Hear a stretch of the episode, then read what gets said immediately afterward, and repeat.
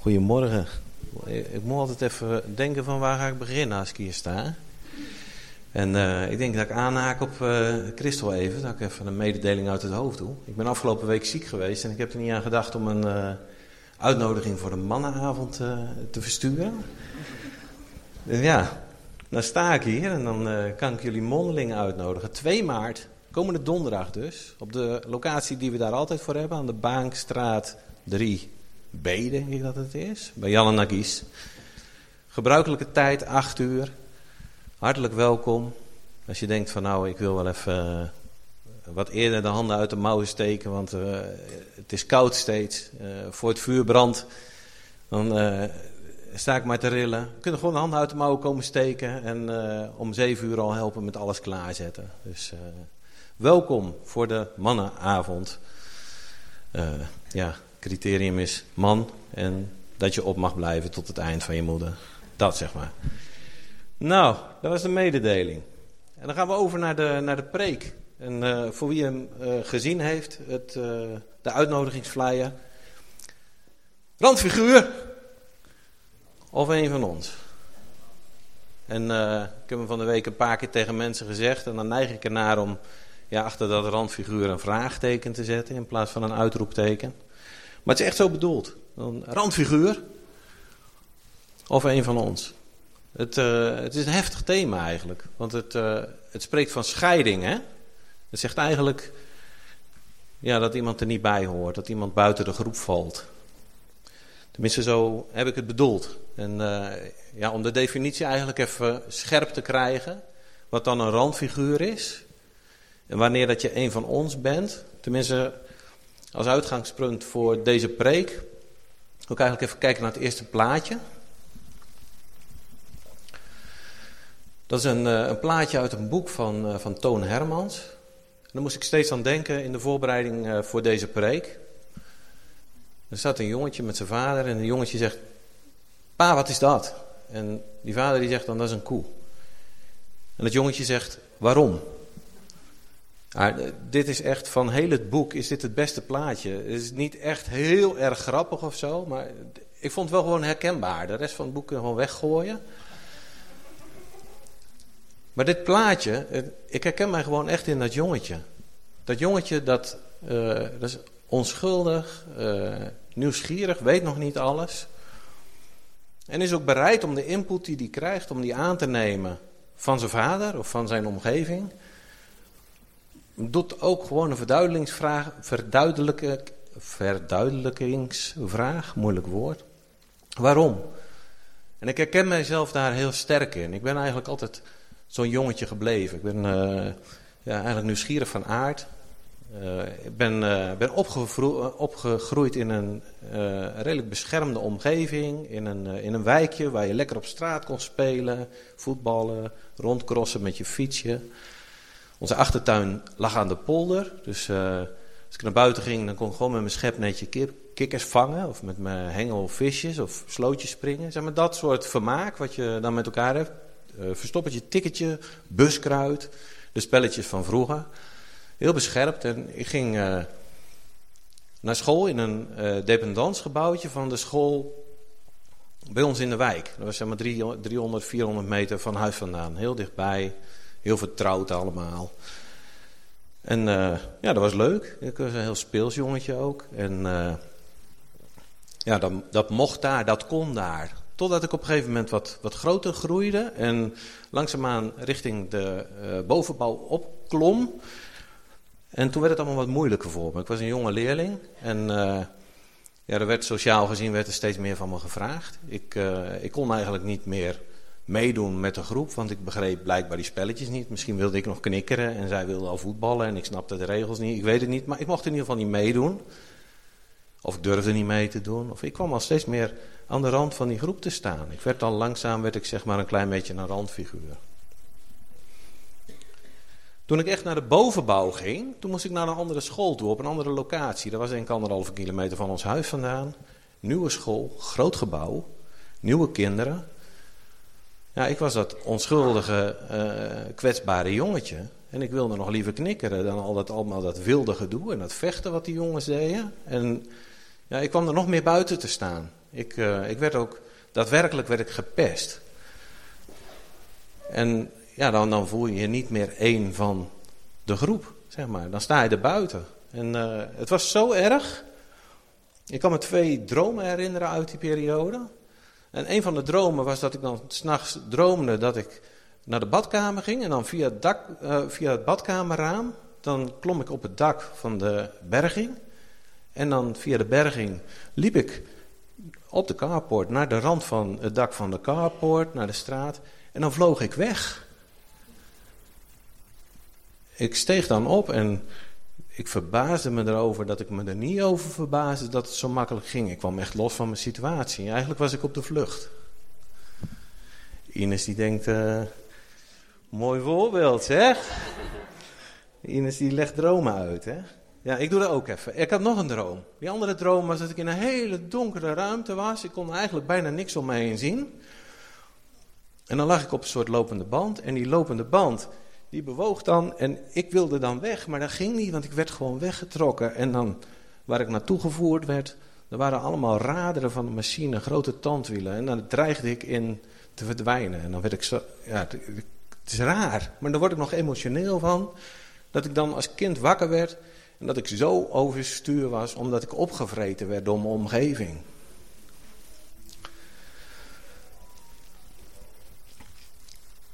In die tijd uh, had ik weinig veiligheid en verstopte ik mij achter de computer. We hadden thuis vroeg een computer, dus ik kon daar lekker listings van programma's intypen en spelletjes spelen. Werd mijn wereld heel klein, dan verstopte ik me zo een beetje. Dan ging het wel. En af en toe kon ik buiten spelen, samen met Alexander. Dat was een jeugdvriend van mij. Dat was eigenlijk mijn enige veiligheid nog. Als ik thuis kwam, ging ik eerst kijken of Alexander er was. Want bij Alexander dat durfde ik weer. Daar bloeide ik weer op. Daar was ik weer wat groter en weer wat sterker. Wat minder dat kwetsbare jongetje. Maar het lot wilde dat Alexander ging verhuizen. Dus mijn veiligheid viel weg. En uh, het verdween. Eigenlijk kwam er in één keer een moment van redding.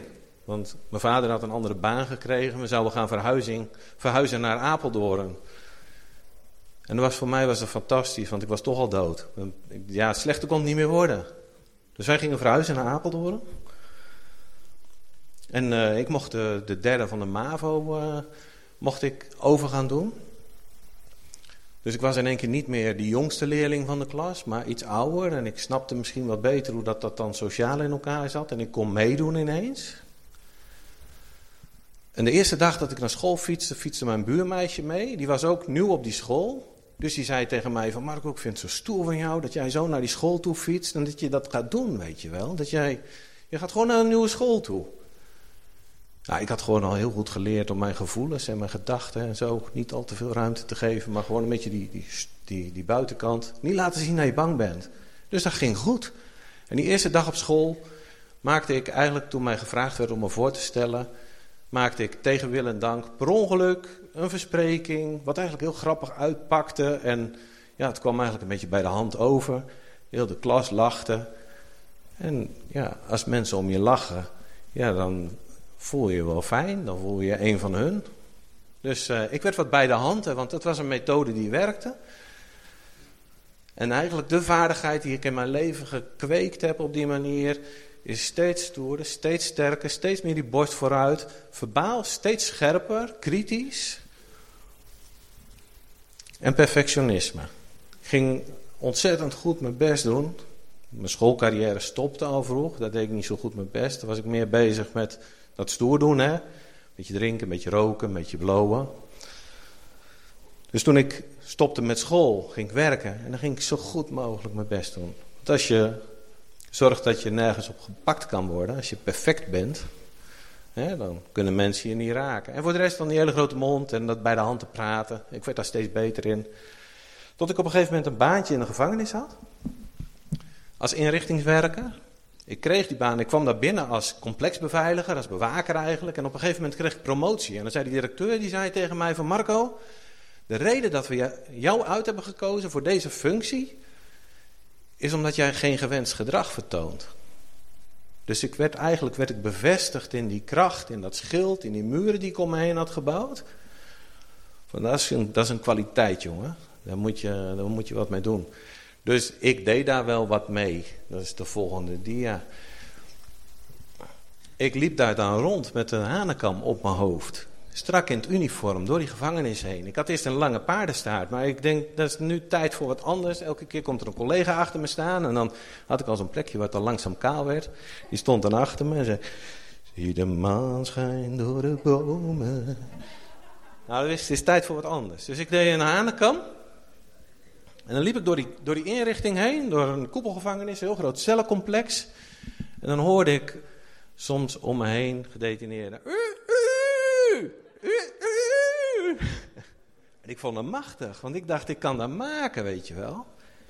Ik loop hier gewoon onberispelijk te zijn. En de directie, die moet dit maar gewoon... En dat vonden ze ook goed. Leek het. Weet ik niet, denk ik. Op een gegeven moment was er een keer een calamiteit geweest.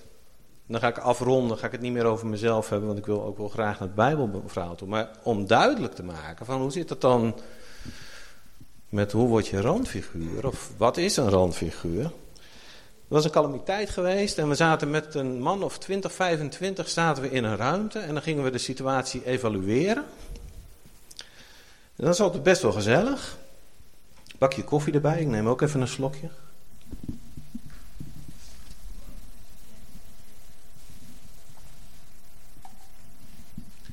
Bakje koffie erbij en dan stond uh, Bart, een collega van me, goede vent, bullebak, ook wel uit, uitdagend type. Die keek die zaal rond, die keek naar mij, die kijkt naar Paul, een van de directeuren die erbij was. En die zegt, wat vind jij er nou van, Paul, zo'n randfiguur dat hier rondloopt? Knuppel in toenderok. En Paul die kijkt rond en die zegt, ik kijk hier zo rond. En ik zie een door, doorsnede van de samenleving waar dat wij in wonen. En ik vind het fijn dat wij dit werk, dat we onze samenleving op deze manier met deze mensen kunnen dienen. Dus Paul trapte er niet in. En dat is van, als je iemand ziet, als je iemand hoort, als je iemand eigenlijk nog niet eens zo goed kent misschien, en je ziet zijn buitenkant, of je hebt gehoord over zijn geschiedenis, dan zeg je misschien randfiguur.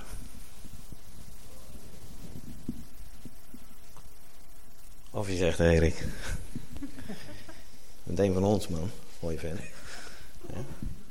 Maar die zachtheid, dat had ik nooit geleerd. Ik zit vanochtend zit ik zo te kijken. En dan zie ik op het podium uh, zie ik die twee mooie mannen staan. Zachte mannen. En vroeger dacht ik dan van... Hmm, daar wil ik niet bij horen, weet je. En nu zijn ze mijn voorbeeld. Nou goed, ik heb een lange inleiding gehouden en dan uiteindelijk na die inleiding ben ik dus op het punt gekomen dat ik zonder dat jullie allemaal boos of zwaar verontwaardigd worden tegen jullie kan zeggen, randfiguur. Want eigenlijk zijn we allemaal randfiguren.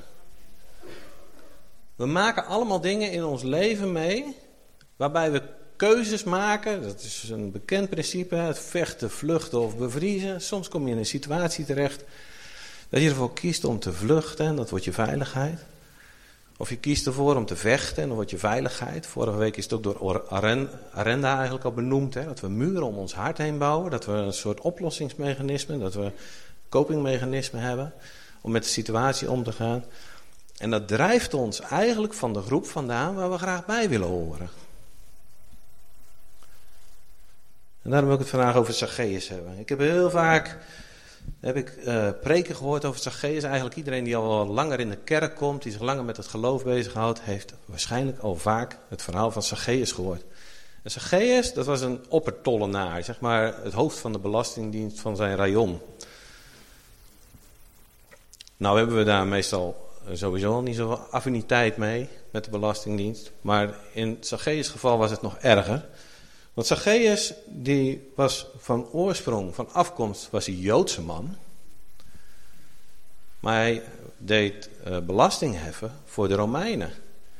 Dus hij was niet alleen op je geld uit, maar hij had ook nog eens gekozen om te werken voor de vijand.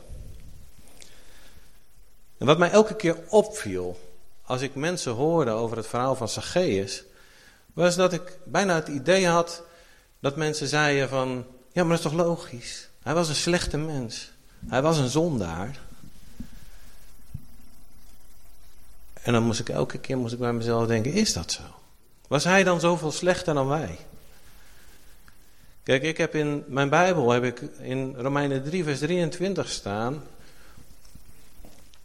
Alle hebben gezondigd en ontberen de heerlijkheid Gods.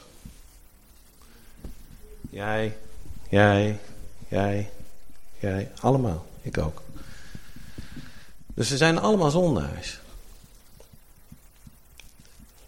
Dus ik ging aan kijken naar die tekst in de Bijbel en ik denk dat het goed is dat we hem gewoon lezen, dat we hem even uit gaan pluizen. Lucas 19, vers 1 tot 10. En Jezus kwam Jericho binnen en ging er doorheen.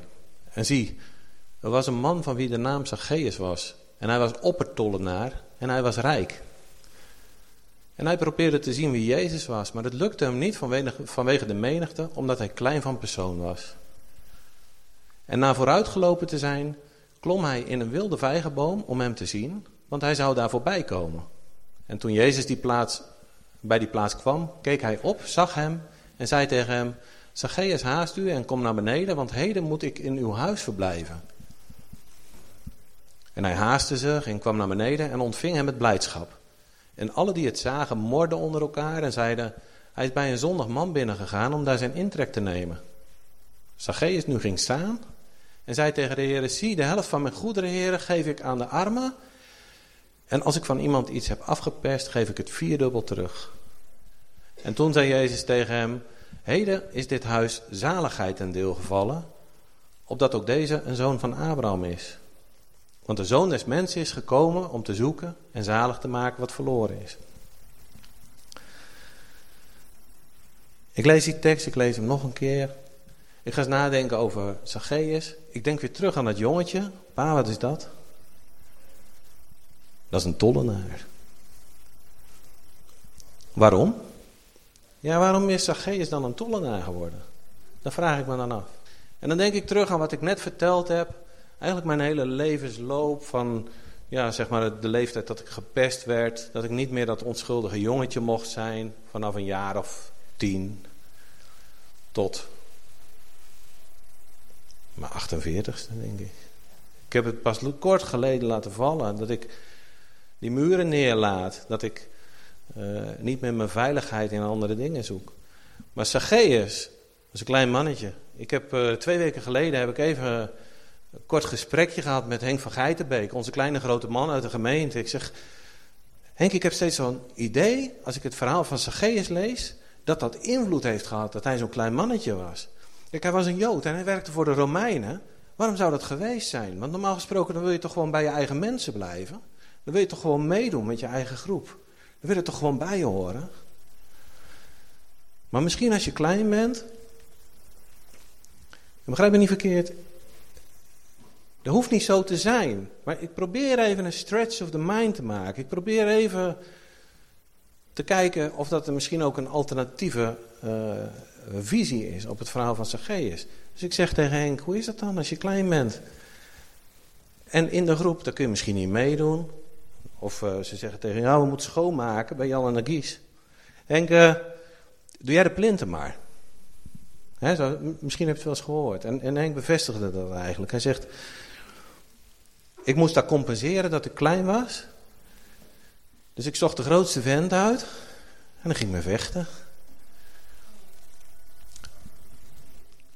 Randfiguur. Ja toch? Een stempel krijg je dan al snel. Dus misschien is het ook zo gegaan met Zacchaeus, hè? Dat hij in de verdrukking kwam. Dat hij niet meer dat jongetje mocht zijn. Dat hij ervoor koos om het op een andere manier op te lossen. Misschien kon hij niet meedoen. Als er gevoetbald werd, werd hij niet gekozen voor het team. Zat hij altijd als wisselspeler op de bank. Weet jij veel? Ik weet het niet. Maar als je niet uitkijkt, heb je er wel een oordeel over. En zo denk ik dat Zacchaeus misschien ook niet zo'n goede schoolcarrière had. En op het moment dat er een rabbi voorbij kwam, dacht hij misschien weer van... misschien mag ik achter die rabbi aan, misschien mag ik van hem leren hoe dat de Bijbel in elkaar eh, steekt. Maar hij speelde ook geen Champions League als het om leren ging. Dus uiteindelijk kwam hij bij het uitzendbureau. En bij het uitzendbureau dachten ze ook, ja, ik kom niet eens boven de balie uit. Ik kan hem nog niet eens... Eh, Ja, we kunnen mee. Ik kan geen vijgen plukken, is niet hoog genoeg. Dus uh, ook daar miste hij hem misschien wel. En ergens is er dan misschien een moment geweest dat er een kans langs kwam die niemand wilde hebben. Want wie wilde nou voor de Romeinen werken? Maar hij wilde wel meedoen.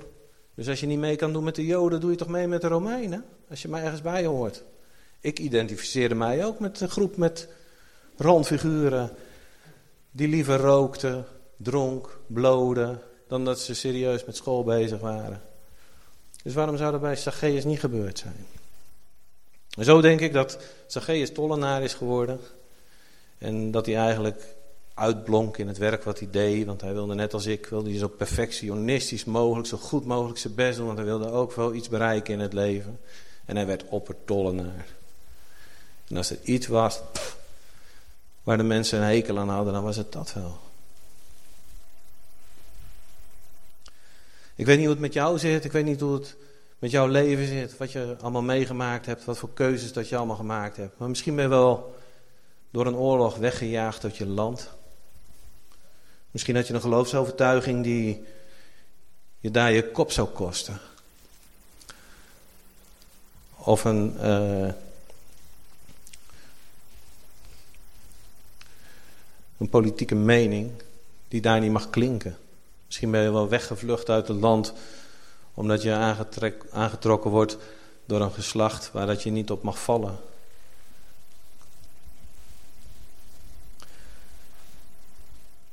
Misschien kom je bij een kerkgenootschap vandaan, waar dat ze hele tonen zingen. En hoor je er gewoon niet bij. Ben je gewoon, als je hier zit, terechtgekomen in een rare secte waar ze veel te vrolijk kijken en veel te vrolijk dansen. Maar andersom kan ook. Andersom kan ook, dat je op een plek komt in de kerk waar dat je denkt van, weet je, hier hebben wij het licht uitgevonden. Hier weten we precies wat God van ons vraagt. Hier weten we echt precies hoe dat we de volkomen leer der zaligheid verkondigen. Maar daar in die andere kerk, no way, daar gebeurt het niet. En zo maken we allemaal onderscheid. We zeggen, jij bent niet een van ons. Of we worden onderscheiden, we worden afgescheiden, we worden naar de rand gedrukt. En wordt het tegen je gezegd, je bent, jij bent niet een van ons. Misschien heb je ADHD en haak je halverwege de preek al af en loop je weg. En denk je bij jezelf van, dan krijg ik het zo meteen weer te horen. Dat ik onrust creëer in de zaal. Moet niet zoveel heen en weer lopen. Of sta je bij de koffie omdat je wat ingetogener bent. Omdat je misschien wel autisme hebt. Of uh, dat je gewoon sociaal alles wat moeilijker vindt, sta je aan de zijkant. En niemand durft contact met je te maken. Want ze denken, ja, ik weet niet wat ik moet zeggen tegen die persoon. Zometeen zeg ik wat verkeerds. Maar zo wil ik niet zijn.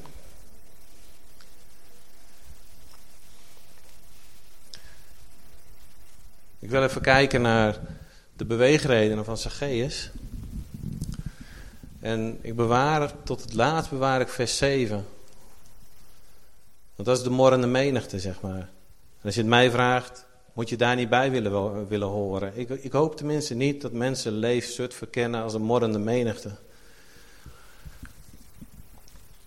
Maar ik zie dat we kunnen lezen over Zacchaeus. Zijn naam betekent trouwens zuiver. Dus toen zijn ouders, toen hij geboren werd, toen zei zijn ouders van dat is een mooi kindje en we willen dat hij een zuiver leven leidt. Hij was dus oppertollenaar. We hebben net een lezing bekeken hoe dat hij misschien uiteindelijk zo geworden is en waar dat hij rijk van is geworden. De meeste mensen die een goede carrière hebben, die verdienen er ook naar. Dus uh, hij is op een eerlijke manier rijk geworden. Misschien, ik weet het niet. Dus als ik het niet weet, wil ik het er niet over hebben. Wat ik wil lezen is, hij probeerde te zien wie Jezus was. Dus hij probeerde niet Jezus te zien, hij probeerde te zien wie Jezus was. Ik denk misschien had hij de week ervoor of zo, had hij al eens een keer een andere oppertollen nagesproken uit een ander rion. En die had dan gezegd van, joh Zacchaeus, als die Jezus nou eens een keertje naar Jericho komt, dan moet je uitkijken, want die gaat er met je personeel vandoor. Want Jezus had zelf al Matthäus en achter hem aanlopen. Dat was ook een tollenaar. En als we in Lucas 3 lezen, dan lezen we dat de mensen bij Johannes komen die hetzelfde preekten als Jezus. Die preekten ook bekering. Dan kwamen de mensen bij Johannes en dan kwamen ook de tollenaars. Ja, wat moeten we dan doen om ons te bekeren? Ja, je moet mensen niet afpersen, je moet mensen niet te veel vragen. Dus misschien had Zacchaeus wel gehoord van een collega oppertollenaar uit een andere jong. Van als die Jezus komt, dan moet je uitkijken. Want je raakt ze kwijt. Hij heeft een veel beter aanbod. Nou, en zo geschiedde Jezus die kwam. En Zacchaeus, die, die was natuurlijk klein, die kon het niet zien tussen al die grote mensen. Dus die koos ervoor om in een vijgenboom te klimmen. En een vijgenboom, dat is een sycamore. En de sycamore, shikma, Hebreeuws, betekent herstel, reiniging, regeneratie. Dus alleen al dat beeld dat je je aan de menigte ontworstelt en dat je je uitstrekt naar herstel, naar regeneratie. En Jezus loopt daar langs heen. En Jezus was eigenlijk, dat lees je in het eerste vers, was hij Jericho binnengelopen om er doorheen te gaan. Maar toen hij iemand zag die zich uit had gestrekt naar regeneratie, toen hij iemand zag die zich uitstrekte naar herstel, iemand die terug wilde naar zijn bestemming, toen bleef hij staan en toen zei hij, Zacchaeus, je moet naar beneden komen, want ik wil vandaag bij jou thuis zijn. En we zien dat Zacchaeus meteen met haast naar beneden komt. Dus is niet, ah, nou, niet zoveel zin in. Heb ik weer, weet je wel. Nee, hij komt met haast naar beneden toe. Hij, hij is verrukt, hij is blij. Dat is toch een teken van oprechtheid? Waarom zou ik al die slechte dingen toedichten aan iemand die met oprechtheid snel naar beneden komt? En hij gaat naar huis toe en neemt de Heer Jezus mee en laat hem binnenkomen. En als hij daar binnen is, dan kijkt hij in de spiegel. Dan ziet hij de Heer Jezus en dan denkt hij, zo wil ik zijn. Ik wil zijn zoals Jezus. Wat is daarvoor nodig? Oh ja, ik had dat gehoord, wat die Johannes zei. Die Johannes die zei van, als je twee mantels hebt, dan geef je er één weg. En als je voedsel hebt, dan geef je ook de helft aan een ander. Hij zegt, Heer Jezus, ik geef de helft van al mijn bezittingen geef ik weg. Ik wil aan die eis voldoen. Ik wil bij, uh, ik wil geen zijn. Ik wil één van jullie zijn. Dus dat deed hij. En vervolgens, dan zegt hij erachteraan van, als ik iemand iets afgeperst heb, dan ga ik hem dat vierdubbel vergoeden. Nou is er een wet voor, er is een regel voor in de Bijbel. Als je iemand iets afperst, dan geef je hem datgene wat je hem afgepakt hebt, geef je hem terug. Plus 100% en daar nog 10% over. Het is net of je van de gulden overgaat naar de euro. Maar hij zegt, ik doe geen 2,20 euro voor een euro die ik afgeperst heb, maar ik doe 4 euro voor een euro die ik afgeperst heb. Maar, een hele hoop mensen die ik erover hoor spreken, die zeggen allemaal van ja, het is een schuldbekentenis. Want hij zegt van, zie je, als ik iemand wat afgeperst heb, geef ik er 4 euro voor terug. Ik wil dat herstellen. Maar als je nou over Zacchaeus praat op een manier dat je zegt van, hij is zo rijk geworden omdat hij alleen maar mensen afperste. Dan was deze uitspraak die hij deed naar Jezus, was meteen een uitspraak waarom dat je hem niet moest vertrouwen. Want als ik een miljoen afpers van mensen en ik zeg ik ga 4 miljoen teruggeven, dan is dat de eerste belofte die ik niet waar maken. Dus dan zou hij een veel te grote broek aangetrokken hebben. Dus ik denk dat hij wat anders zegt. En als ik dan in de grondtekst kijk, dan staat er bij als ik iemand iets, hè, hè, dat is een soort voorbehoud wat hij maakt. Als jij straks naar buiten loopt en ik heb een deuk in je auto getrapt, dan krijg je de vier terug. Ja, deuken, ja. Als jij straks naar buiten loopt en ik heb een deuk in jouw auto getrapt, krijg je vier nieuwe auto's van me terug. Ben ik blij dat ik geen ik. Ja, daarom durf ik het ook te zeggen. Ja, maar begrijpen jullie wat ik duidelijk probeer te maken? Er zit een voorbehoud in. En ik denk dat dat voorbehoud is niet om zichzelf vrij te pleiten, want dat doen de mensen die buiten staan, daar zullen we het zo meteen over hebben. Het is niet om zichzelf vrij te pleiten, maar het is volgens mij een uh, onderzoeksvraag die hij stelt. Hij kijkt in de spiegel die de Heer Jezus is. Hij ziet de puurheid, hij ziet de reinheid, hij ziet de echtheid van de Heer Jezus. En hij zegt, zit er ergens nog een vlekje? Heb ik, heb ik, heb ik ergens iets verkeerd gedaan? aan iemand, dan wil ik dat recht trekken. Dus ik denk dat dat gewoon oprechte bekering is waar we over praten. En dan zegt de Heer Jezus, die zegt tegen hem, vandaag is de zaligheid geworden aan jou. Omdat je een zoon van Abraham bent. Ja, waarom dan? Omdat je een zoon van Abraham bent. In de tekst die ik daar straks uitspreek van Johannes, daar staat juist dat Johannes zegt... Je, uh, je hoort er niet bij omdat je een van Abraham bent. En hier zegt de Heer Jezus, jij hoort er wel bij omdat je een van Abraham bent. Ja, hij hoort erbij omdat hij ervoor gekozen heeft om datgene te doen wat bij iemand hoort, die bij Abraham hoort. Dus als jij je gaat gedragen zoals de Heer God je bestemd heeft, als jij je eigen zuivere ik gaat terugvinden, als jij er oprecht naar op zoek gaat, dan zegt de Heer Jezus, dan hoor je erbij. Dan wil ik graag dat je, dat je bij ons hoort. En daar zijn we naar op zoek. Maar de mensen die buiten staan, die zeggen eigenlijk precies het andersom. Hè? Die zien dat Jezus bij hem naar binnen gaat en die lopen te morren omdat er iemand herstel vindt die beschadigd is door het leven. Die lopen te morren omdat er iemand is die niet op zijn juiste potentieel, niet op zijn bestemming terecht is gekomen. Die vallen hem af. En dan denk ik van waarom is het dan zo belangrijk? Waarom, dat heb je misschien ook wel gedacht ondertussen, maar Marco, waarom blijf je daar dan op doorhameren dat die Zacchaeus wel deugt volgens jou? Dat is om de volgende reden. Ik denk dat als ik naar jou wijs, dat ik het niet over mij hoef te hebben. En ik denk dat als ik jou heel vies na meisje maak, dan lijk ik blinkend stralend schoon. Maar dat ben ik niet. En als ik dan naar buiten kijk en ik zie daar iemand lopen, of zoals op de uitnodiging, zo iemand die daar op de straat ligt. Ik wat een randfiguur is dat joh. Waarom kies je daarvoor om op de straat te gaan slapen? Waarom kies je ervoor om met een biertje in een hoek te gaan zitten? Vanochtend kwam er nog iemand tegen. Hè? Vanochtend fietste naar deze kant toe. Ik kom Marcel tegen, iemand die bij GG-net zit, in de geestelijke gezondheidszorg. Ik stop even naast hem. Ik zeg, hey, goedemorgen, hoe is het met je? Hij is altijd ochtends vroeg al onderweg van GG-net vandaan naar de draaihum om daar een biertje te halen. Dus ik wist het antwoord al. Maar ik stop even naast hem. Hoe gaat het met je? Ja, niet zo goed. Niet zo goed geslapen. Ja, hoe komt het dan? Ja, gewoon, het gaat niet zo goed daar bij GG-net. Heb je 25 cent voor me? Ik zeg, waarom wil je 25 cent hebben dan? Dan kan ik even een biertje halen. Ik kijk in mijn portemonnee. Ik zeg, ik heb alleen maar 50 cent. Ik heb alleen maar twee biertjes voor je. Is dat ook goed? Dus hij pakt dat aan. En ik uh, denk, ja. ja. Ik zeg, ik heb liever niet dat je bier koopt. Maar ja, als je dat dan toch doet. Maar wat anders, mag ik voor je bidden? Mag ik voor je bidden dat je beter slaapt vannacht? Hij zei, ja, is goed. Dus ik heb gebeden met Marcel vanochtend. En ik hoop dat hij vanochtend beter slaapt. En dat ja, ik zeg dat niet om te pochen over mij. Dat ik dat vanochtend wel eens even gedaan heb. Maar ik zag een mens.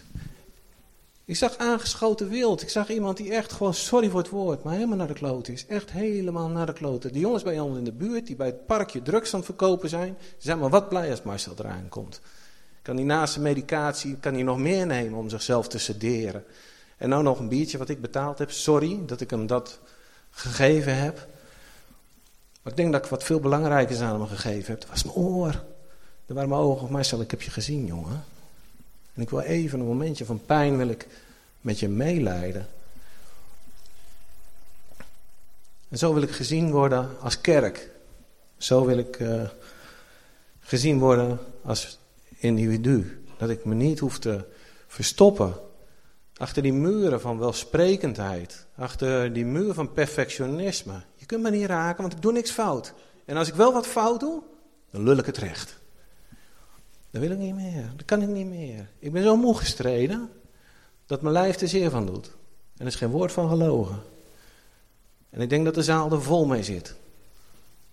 Dus als je bij jezelf denkt van ik ben een randfiguur.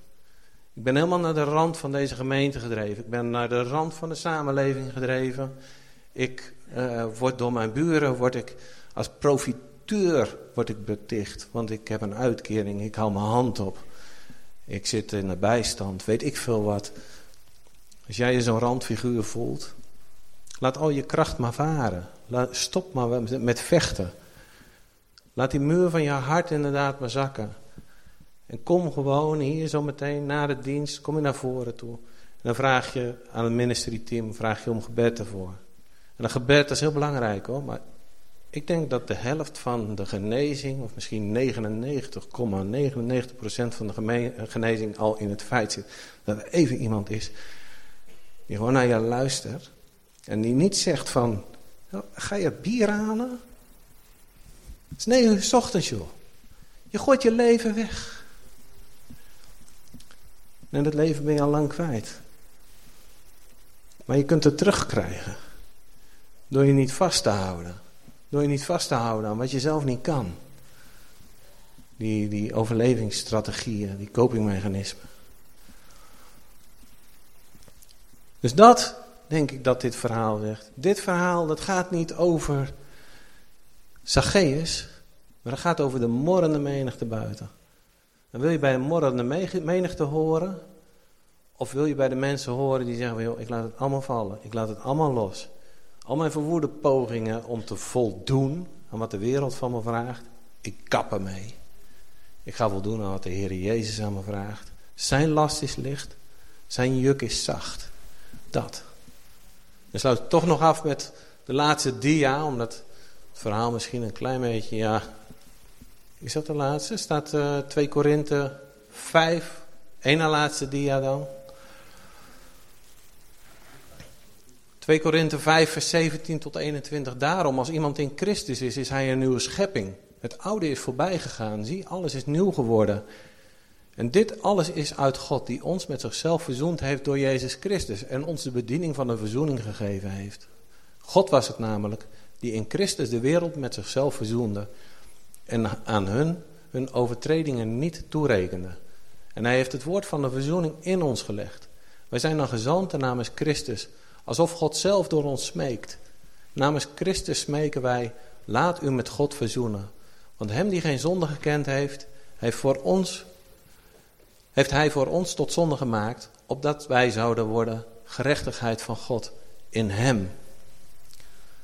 Dus de uitnodiging is om niet meer dat randfiguur te zijn, maar gewoon los te laten en je over te geven aan de genade van de Heer Jezus. En op het moment dat je dat doet, op het moment dat je verzoend bent met God de Vader, dan krijg je ook de bediening van verzoening toegereikt. Dan mag je zelf als Jezus zijn en zeggen, ik heb je gezien. Wil je me vertellen wie je bent? Wil je me vertellen wat er op je hart is? Wil je me vertellen wat je bezwaart?